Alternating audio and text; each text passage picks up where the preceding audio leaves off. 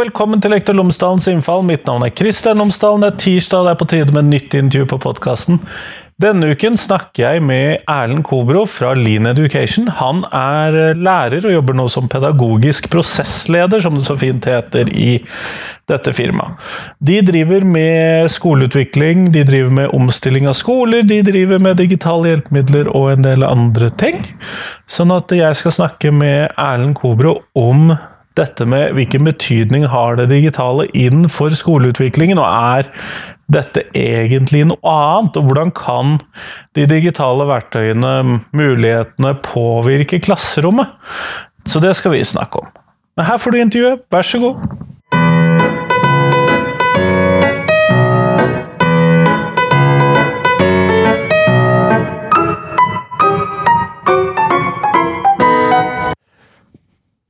Erlend Kobro, tusen takk for at du tar deg tid til meg på vei til uh, Digg læring. Du, bare hyggelig. Det skulle da virkelig bare mangle. Uh, før vi starter intervjuet, kunne du fortalt lytterne mine tre ting om deg selv, sånn at de kan bli litt kjent med deg. Ja. Du, jeg pleier å introdusere meg selv uh, som lærer, nerd og heldiggris. I den rekkefølgen. I den rekkefølgen. Så jeg identifiserer meg med de tre begrepene, i, og, og, da mest som lærer. Det er, det er jeg, fra, fra, ryggraden og ut. Og så er jeg nerd. Uh, både i ordets rette betydning, klassisk sånn som man får når man søker på nerd på Google, som spiller uh, fantasy-rollespill uh, i kjelleren til kompisene mine, som spiller data på kveldene, og som begrave meg i sære og helt spesifikke fagemner i lengre tider og perioder av gangen. Eh, men også litt sånn nerd som, eh, som, eh, som, det har blitt mer trendy å være nå. Med, med skjegg og briller og skjorta knept helt opp i halsen på utesteder som selger fancy øl i Oslo. Ja, det er en eh, moderne form for nerd, det. ja, det er jo blitt veldig stuereint. Eh, nerdenes hevn og alt dette her. Eh, og så har jeg pleier jeg å si heldiggris. Det er jo vi alle, fordi vi er født i verdens rikeste land på det tidspunktet i historien hvor det er enklest å være menneske. Så å påstå at det er noe annet enn grein griseflaks, det ville vært hovmodig, syns jeg. ja, og i det perspektivet der så er det også veldig lett å si at man er heldiggris. Så det er veldig greit. og det er man tråkker ikke på noen tær. Det er ikke noe, er ikke noe vanskelig å si det. Jeg syns ikke det føler med seg noe, følger med, følger med seg noe skam, eller noen ting, så det, jeg kan fint stå for at mye av eh, det jeg opplever, opplever jeg pga. flaks. Ja, men det syns jeg er en sunn innstilling. eh, grunnen til at eh, vi snakker sammen her i dag, er eh, delvis sett-dagene. Mm. Eh, men også fordi at du har skrevet tidligere på lærebloggen at uh, man skal drite i digitaliseringen. Ja. Uh, og så lurer jeg jo da selvfølgelig på hva du mener med det. Jeg fikk bare én negativ tilbakemelding på språkbruken der. Det er ganske interessant, for jeg tror det var en 10 000-12 000 som leste det innlegget totalt sett. Hvis det hadde vært meg, så hadde pappa fyrt av gårde en melding med en gang. ja, jeg pleier å si det at altså jeg driver jo Eh, med. Jeg har jobba som lærer i fem år, og jeg driver nå med, på, på, fulltid som, som, pedagogisk prosessleder og jobber med utvikling av digitale prosesser for skoler. Selger eh, enheter til skolene, følger opp kurser, driver med, med strategiarbeid med skoleledere osv. Ja, det var jo derfor dette sitatet overraska meg litt. Da. Nettopp. Og derfor så uh, er jeg veldig opptatt av det alt vi driver med i skolen i 2019, har en helt naturlig digital bestanddel. Eh, når vi kaller noe for digitalisering, så gir vi selve den digitale enheten for mye oppmerksomhet. Eh, jeg tror at eh, dings er litt uviktig. Hvilken dings som ligger i fanget på elevene, er ikke så veldig viktig, men det er hvordan elevene bruker den som, som er viktig. Og Det tror jeg ikke er veldig kontroversielt å mene i 2019, men det er jo fortsatt mange som diskuterer hvorvidt vi skal ha digital teknologi i skolen. Den diskusjonen er jeg veldig lite interessert i å ta samfunnet vi er en del av, og skolen skal gå parallelt. Jeg tenker til og med at skolen skal få lov til å ligge litt i front og dra med seg samfunnet, eh, ikke ligge bak i evja og sutre. Eh, og da, i 2019, er vi avhengig av å bruke de beste verktøyene til de eh, tinga som de verktøyene er bra til. Og derfor, drit i digitalisering, snakk om skoleutvikling. Selvfølgelig er noe av den digital, men det betyr ikke at vi skal bruke en iPad til hver eneste ting, eller skrive absolutt alle tekster på PC.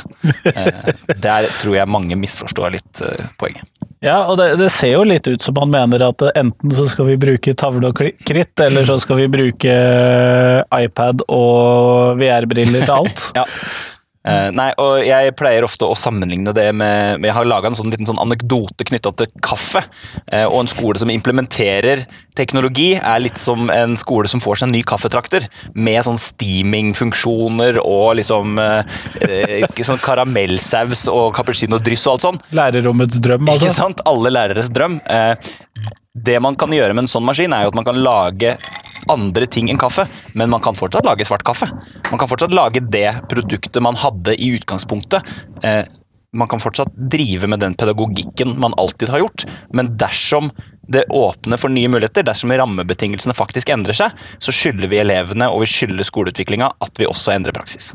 Hvordan tenker du at rammebetingelsene her har endra seg? Det syns jeg er litt uh, interessant. Ja, um, og da kommer vi jo inn i en maurtue av liksom muligheter og, og, ting som vi må ta opp og som vi må vurdere. Fordi skolen sånn som den ser ut i dag, eh, og har sett ut rent strukturelt i veldig, veldig mange år, eh, den er basert på rammebetingelser som jeg mener at ikke ikke i veldig stor grad eksisterer lenger. Nå tenker du på den læreren står foran klasserommet, tavle, pulter, eh, alle ser i samme retning og sitter stille ja, og holder kjeft. Jeg tenker på det man får i hodet når man sier ordet klasserom. 25 eh, pulter vendt i samme retning med én elev bak hver pult og en lærer foran i klasserommet. Hvis du googler klasserom, så er jeg ganske sikker på at de topp ti bildene har en eller annen slags form for den strukturen. Sikker på de første topp 100? Eh, og, og det tenker jeg at det er et resultat av at vi har én én lærer per x antall elever, og at læreren i hovedsak har eksistert som kilde til kunnskapen, eh, med da via hjelpemidler i læreverk og, og skolebøker. Jeg tror ikke, og fortsatt ikke spesielt kontroversiell når jeg påstår det, at læreren er ikke den beste kilden til kunnskap i et klasserom. Eh, vi finner kunnskap, vi agerer og lever i kunnskap hver eneste dag. Eh, og læreren som kilde til kunnskap er en utdatert modell, tror jeg. Derfor så tenker jeg at læreren nå i mye større grad enn før må finne nye måter å gjøre seg selv relevant for elevene på. Eh, den klassiske dopaminkicket man får når man lærer noe, den eh, attraktiviteten læreren har som kilde til kunnskap, den eksisterer ikke i like stor grad som den gjorde. Og da blir det vanskelig å krige mot andre inputs og andre ting som påvirker elevene, som f.eks. en liten Snapchat notification, eh, en ny high score i Candy Crush eller nye levels i Geometry Dash. Eh, dette her er liksom eh, mer spennende enn lærerens gjennomgang av Ibsens verker eller av første verdenskrigs forutsetninger og påvirkning på historien. Men her så Jeg blir en liten sånn liten ting der først, før jeg går litt videre. Men eh, jeg blir jo stadig overrasket hvor populært Tetris er i klasserommet. ja, lite, en liten avsporing inn i Tetris. Ja. ja. Eh, det, der, det ble jeg litt overrasket over. At jeg holdt på å få en eller fikk en karakter mindre pga. Tetris en gang i tiden, skjønner jeg, men ja. nå Ja, nei, altså Tetris har, uh, har overlevd. Det har, uh, det har tålt tidens tann. Uh, og det er vel kanskje, Vi ser jo det i, på i spillutviklinga også, at uh, grafikk og spillbarhet knytta til liksom, uh, spillmekanikk ikke er så viktig som det var for bare fem-seks år siden. Nå er det historien, elementer som, som, som, vi kjenner igjen fra, fra helt gamle spill, rollespill og sånne klassiske pugs fra 80-90-tallet, kommer igjen nå i, i stor, stor form. Kanskje vi får en slags liten spillrenessanse, faktisk. Ja. Nå går vi inn på temaer som kanskje ikke lytterne dine er veldig interessert i. Men, uh, Nei, men jeg syns det er gøy. Når vi er ferdige ja. å ta opp her. Uh, men det som eh, jeg har tenkt litt på, det er jo dette her med kildekritikk knyttet til dette som du nevnte i stad. Dette med at læreren ikke lenger er den eneste kilden til uh, informasjon. Og jeg må jo se for meg at når jeg gikk på barneskolen, så må det ha vært veldig enkelt for læreren å liksom være den allvitende og være den som aldri tok feil, og du måtte virkelig overbevise læreren for å si at vet du hva, dette henger ikke på greip. Ja. Den tror jeg er litt borte. Det tror jeg òg. Eh, det er, eh, det er jo mm, en, det er mye vanskeligere nå å være lærer fordi man må være en dyktig eh, navigatør på internett, først og fremst. Eh, man må være dyktig til å selv drive kildekritisk arbeid. Og jeg vet ikke, altså jeg har hørt uh, Marte Blikstad Ballas på, på podkasten til Martin Hansen og, og, og Rønningen uh, snakke om hva er et godt Jeg tror det var Marte Blikstad Ballas. Uh, hva, er et, hva er et godt undervisningsopplegg for kildekritikk? Og Det er ikke noe enkelt spørsmål. Nei, det strever jeg med fremdeles å prøve å finne. Eh, Og dette her er vanskelig, og da syns jeg det er der vi må eh, kollektivt legge ned effort, legge ned, ned kjøre på med litt albuefett inn i hvordan skal vi jobbe med disse viktige egenskapene som blir viktigere og viktigere, eh, og når skal vi bli ferdig og pugge årstall og drive med eh, kunnskaps... eh, Ja. Du, Men- du vet hvor jeg skal. Ja, jeg, jeg tror jeg skjønner hvor du skal. Men når man da skal ta så bruke Ikke tenke nødvendigvis på man, det vil si Når man aksepterer digitaliseringen som et faktum, og er- erkjenner at det må være en del av klasserommet, Ja. hvordan tenker du at det skal forandre klasserommet, da? For å få utbytte av dette? Mm, Det synes jeg er et veldig interessant spørsmål, og der tror jeg ikke vi har kommet langt nok til å kunne komme med noe faktisk eh, bastant eh, fasitsvar med to streker under svaret. Men en klassisk eh, når vi snakker om skolens eh, manglende vilje til endring, er jo at den eneste institusjonen en renessansemann ville kjent seg igjen i i dagens samfunn, er skolen. Eh, og vi kan kanskje begynne med å gjøre skolen litt mindre kjent for renessansemenn.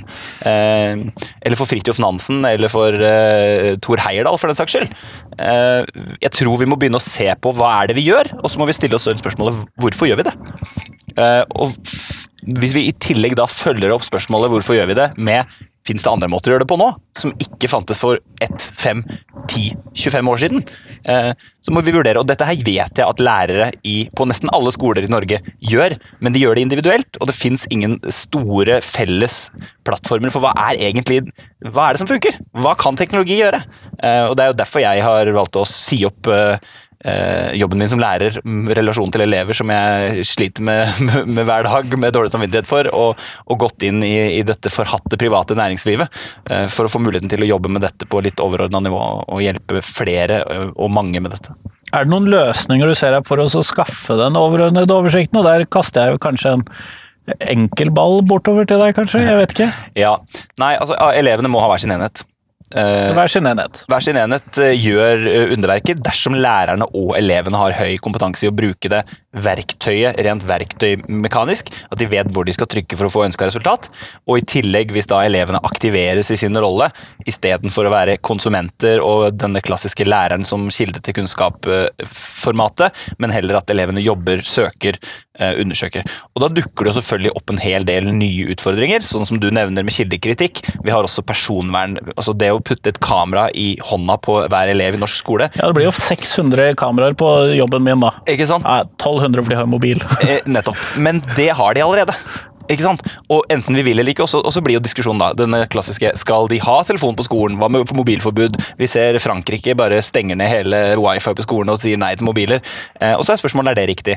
Du og de som hører på, kan sikkert gjette hva, hvor jeg stiller meg i, i den debatten. Jeg Mistenker at du sier at det er feil. Ja, eh, og det er det mange grunner til, og det er en helt egen podkastepisode. Men jeg tenker at når du stiller meg spørsmål hva er det som funker, og hvilke løsninger fins, så er det en enhet til hver elev som elevene og lærerne kan bruke. Eh, lærere som både kan bruke eh, verktøyene pedagogisk eh, og fagdidaktisk.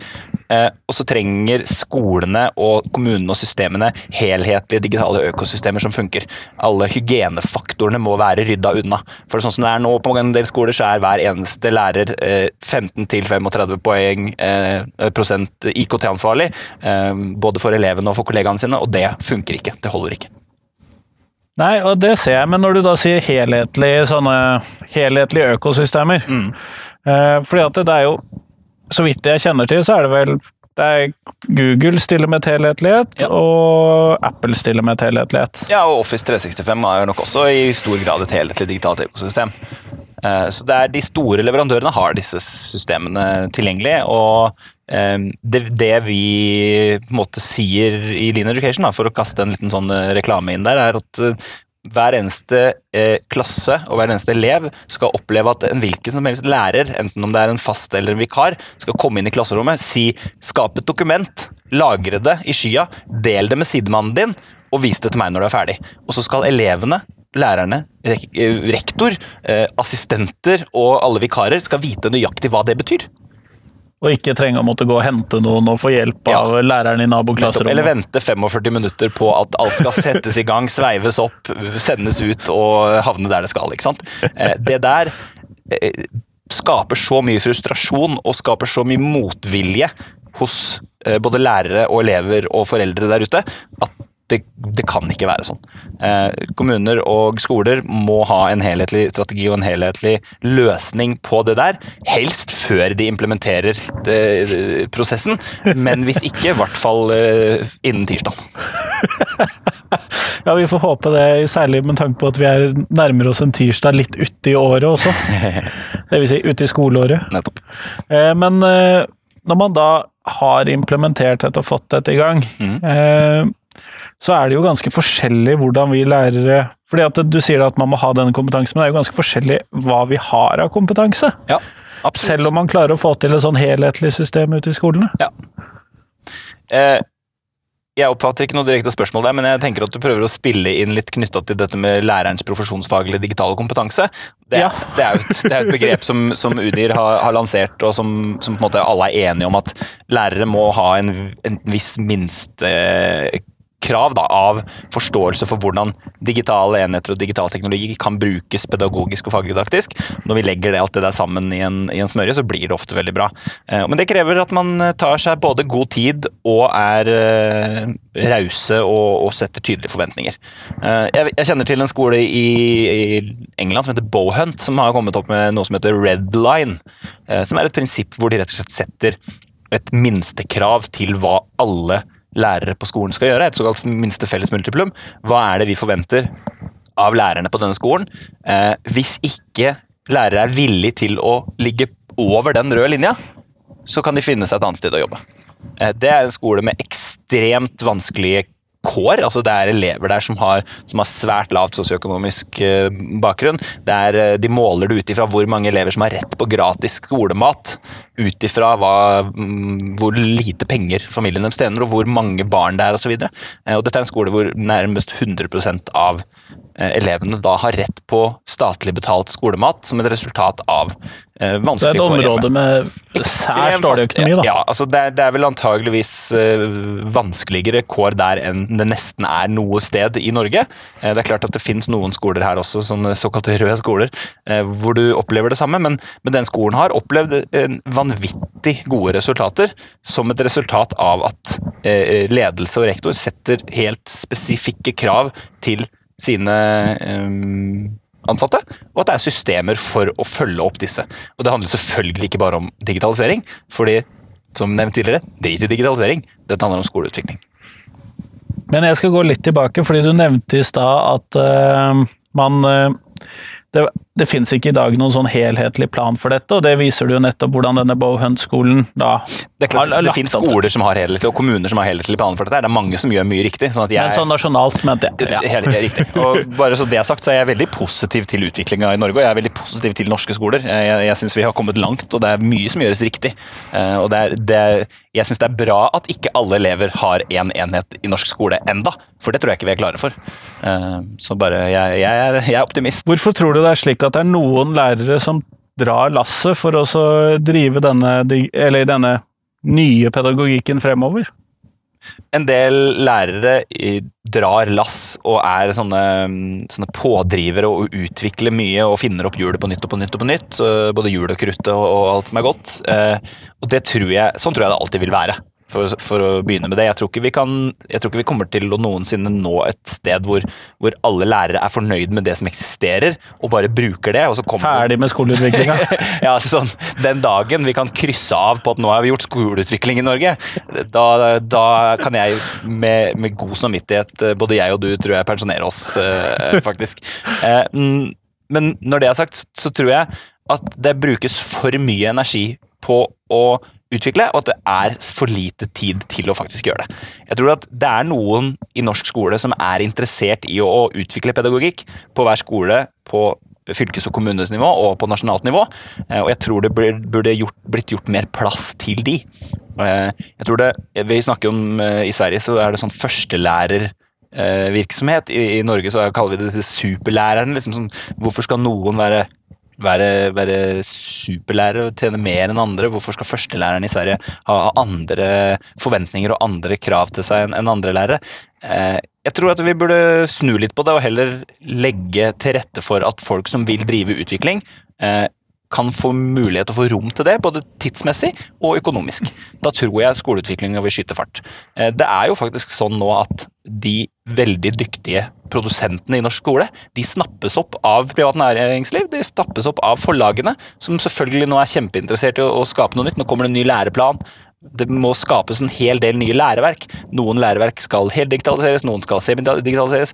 Det er så mye som skjer nå eh, at de som er interessert i å skape, utvikle, pushe, eh, de blir trukket ut av skolen fordi det ikke finnes rammer for at de kan drive med det de syns er gøy og det de syns er givende, eh, og ha tid å tjene penger på det i skolen, i det offentlige. Ja, for jeg tror ikke jeg har mye ressurs ledig i arbeidsbeskrivelsen min til å drive med digitalisering sånn sett. Nei, og det Sånn er det mange steder. Eh, jeg jobber med et helt unikt prosjekt nå i Østfold fylkeskommune, Hatten av til Østfold, hvor de har satt av 60 timer til hver eneste pedagog i videregående opplæring for å bli, utvikle sin profesjonsfaglige digitale kompetanse. Så De skal altså eh, kjøre 1500 lærere gjennom et kurs på 60 timer, blended learning, noe nettkurs og noe workshop-virksomhet. Eh, hvor det da altså har Det blir, for de som er kjappe i huet, 90 000 timer satt av til utvikling av profesjonsfaglig digital kompetanse i fylkeskommunen. Helt fabelaktig.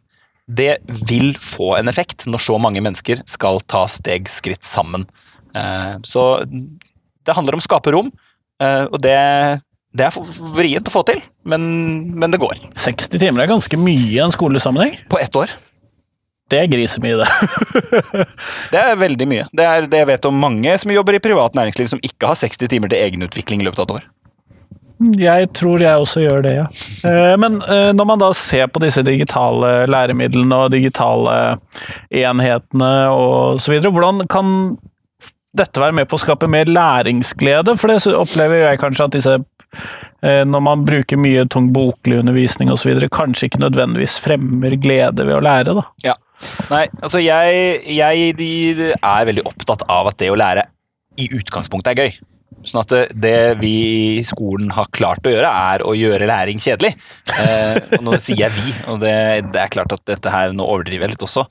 Eh, men, men, men, veldig mange syns at det å gå på skolen er kjedelig. Jeg personlig kjeda meg gjennom 13 år på skolen. Uh, og det syns, sånn jeg ikke det skal være. Man, man, får, uh, man blir sjuk hvis man sitter og ser på klokka hver time, hver dag, et helt uh, skoleliv. Sånn kan det ikke være. Jeg tror at ved å legge nye verktøy i verktøykassa til alle lærere, lære de å bruke de, og øke lærerens evne til å drive variert undervisning, som føles relevant for elevene, så tror jeg vi kommer langt. Så tror jeg mange flere elever vil oppleve skolen som noe matnyttig og noe givende og noe utviklende. Eh, for det, når man ser barn i fjerde klasse løpe rundt i skolegården og ta bilde av løv med iPaden sin, og så eh, skrive om disse løvene eh, med da kildehenvisning til, til en eller annen Wikipedia-artikkel, eh, eller lese inn, kanskje enda bedre. Det er ikke så mange fjerdeklassinger som er sånn superdrøye på, på, på skrivinga, men lese inn Eh, spille inn video av seg selv, diskutere, prate. Og da, da ligner læring veldig på lek. Eh, og det, det å le leke seg til kunnskap, det, det, vet vi jo at er eh, det, det, skaper reell læring. Da vet vi at det sitter bedre, da vet vi at man, man får mer igjen for det. Og det jeg, jeg, var i perioder av min skolegang helt uinteressert å dra på skolen, i så stor grad at jeg faktisk lot være. Uh, og det er det mange andre som gjør. Jeg sier ikke at en iPad eller en Chromebook eller en PC i hvert fang løser det, men jeg tror at uh, dersom vi får til en, en velfungerende profesjonsfaglig digital kompetanse som er på et høyere nivå enn det den er nå i den gjengse norske skole, så tror jeg flere elever vil rett og slett ha det bedre og vil ha mer glede av det å gå på skolen. Det høres ut som også en ganske stor eh, pedagogisk omlegging, da. Ja. Ludvigsen sier i, i sin rapport at skal skolen klare å utdanne eh, fremtidens samfunnsborgere, så må skolen gjennom en ikke-triviell endring, både organisatorisk og strukturelt. Det hørtes ut som byråkratspråk for uh, nå må vi skjerpe oss. veldig mange må gjøre veldig mye annerledes enn de gjør i dag. Ja, det er vel omtrent det, ja. Ja. Uh, men, og der vil jeg, har jeg lyst til å utfordre deg litt, for du dro fram denne renessansemannens eh, gjenkjennelse Mm. av uh, norske klasserom. Ja. Og jeg tror nok at de ville kjent igjen ganske mye. Jeg har sett noen bilder fra renessanseklasserommene, og de ser like ut, ish. Ja, altså en, en, en hvilken som helst lærer på, på hvert fall på ungdomsskolen og oppover, eh, har en del foredrag. Altså har en del forelesningsstruktur på undervisninga si. Ja, ja. Og det, det, det er ja, et velfungerende pedagogisk prinsipp. Jeg tror vi gjør det for mye. Jeg, jeg vet at jeg gjorde det for mye da jeg jobba som lærer. Eh, mindre og mindre, men fortsatt for mye. Eh, men så, sånn er det. Men det jeg kunne tenke meg å utfordre deg litt i dag, er selve klasserommet. Nå tenker jeg på den fysiske boksen som elevene befinner seg i. Ja. Eh, er du klar til å forandre på den? Ja, jeg har vært klar på det lenge. Så hvordan skal vi, hva skal vi med den? Hva skal vi gjøre med den? Nei, altså Utfordringen der er jo økonomi. Eh, fordi det å ha 25 elever per lærer når hver elev har sin digitale enhet, og bruker den på riktig måte, og lærerne har den kompetansen som trengs, eh, da, da har vi ikke noe behov for det. Eh, jeg kan sitte på en eh, jeg kan, jeg kan sitte på en sånn liten pidestall, jeg. I en stor, åpen sal, og så kan elevene løpe rundt og lære og komme til meg når de har behov for hjelp. Fordi de har all kunnskap de behøver. Hvis jeg bruker all den tiden jeg jobba, brukte på rette prøver og eh, gjøre for- og etterarbeid da jeg jobba som lærer, på å heller designe læringsaktiviteter hvor elevene aktiverer seg selv, produserer kunnskapsrepresentasjoner, og så vurderer seg selv og medelevene sine i den prosessen, eh, så, så tror jeg ikke jeg verken prøver, eksamen i den formen den er nå, eller liksom vurderingssituasjoner sånn som vi kjenner det, eh, egentlig er nødvendig. Og da trenger du ikke alle disse pultene som står opp mot en tavle. Nei, på ingen måte. Eh, vi trenger noen pulter. Fordi det å skrive tekst, det gjør man best når man sitter ned og konsentrerer seg. I hvert fall jeg, og sikkert de fleste andre. Eh, men det å sitte sånn i åtte timer hver dag, fem dager i uka, noen og 30 uker i året, eh, det er jo ingen av oss voksne som gidder det. Nei, jeg må innrømme at jeg ville synes det var skrekkelig kjedelig. Ja, altså Nå sier jeg ingen, og det er klart at det er mange som gjør det. Det er mange som sitter bak en, en kontorpult eh, mye. Eh, Men det er mange som ikke gjør det, og det er mange som mistrives med å gjøre det. Så valgfrihet, mulighet til å ut, eh, utfolde seg og være i aktivitet. Ja, nei, jeg vet ikke hvordan fremtidens skoler ser ut. Kanskje de ser ut som bibliotek? Ja, litt sånne spredte bord og noen bokhyller og noen læringsarenaer innimellom og Absolutt. Et eh, bibliotek der elevene kan velge om de vil eh, jobbe konsentrert i ro med støyreduksjonsheadset, eller om de vil diskutere rundt gruppebord, eller om de vil eh, sitte i saccosekker med Eller hengekøyer med en iPad eller en Chromebook i fanget. Eh, kanskje de vil sitte ute på benken. Eh, jeg har jo ikke noe tro på at elevene misbruker lærerens tillit dersom og nå snakker jeg selvfølgelig grovt sett, det vil alltid finnes unntak. Eh, Men jeg, jeg, jeg har troa på at hvis elevene får lov til å utfolde seg på den måten der, så vil de gjøre det de skal, for da er det det de har lyst til. Så vil man jo alltid ha elever som heller spiller Candy Crush enn å lære.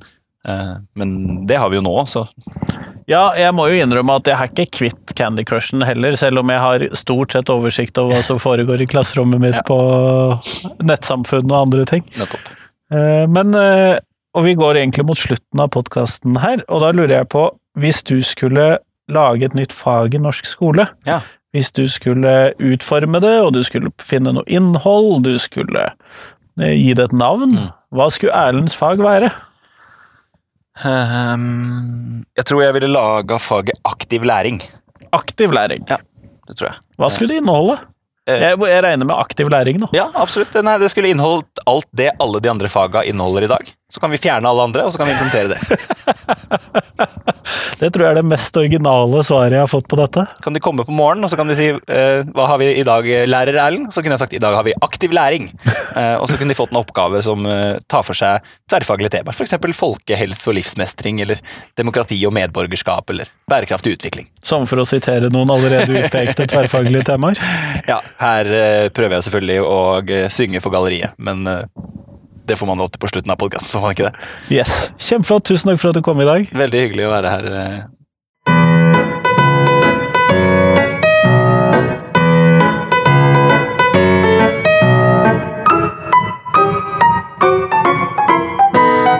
Takk til Erlend, og tusen takk til deg som hørte på. Nå er det en uke til neste podkastintervju kommer, og da satser jeg på at jeg har en episode klar da også.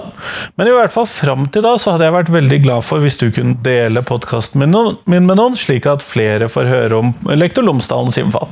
Det blir jeg veldig glad for. Men i hvert fall, fram til neste uke, ha en god uke. Hei, hei.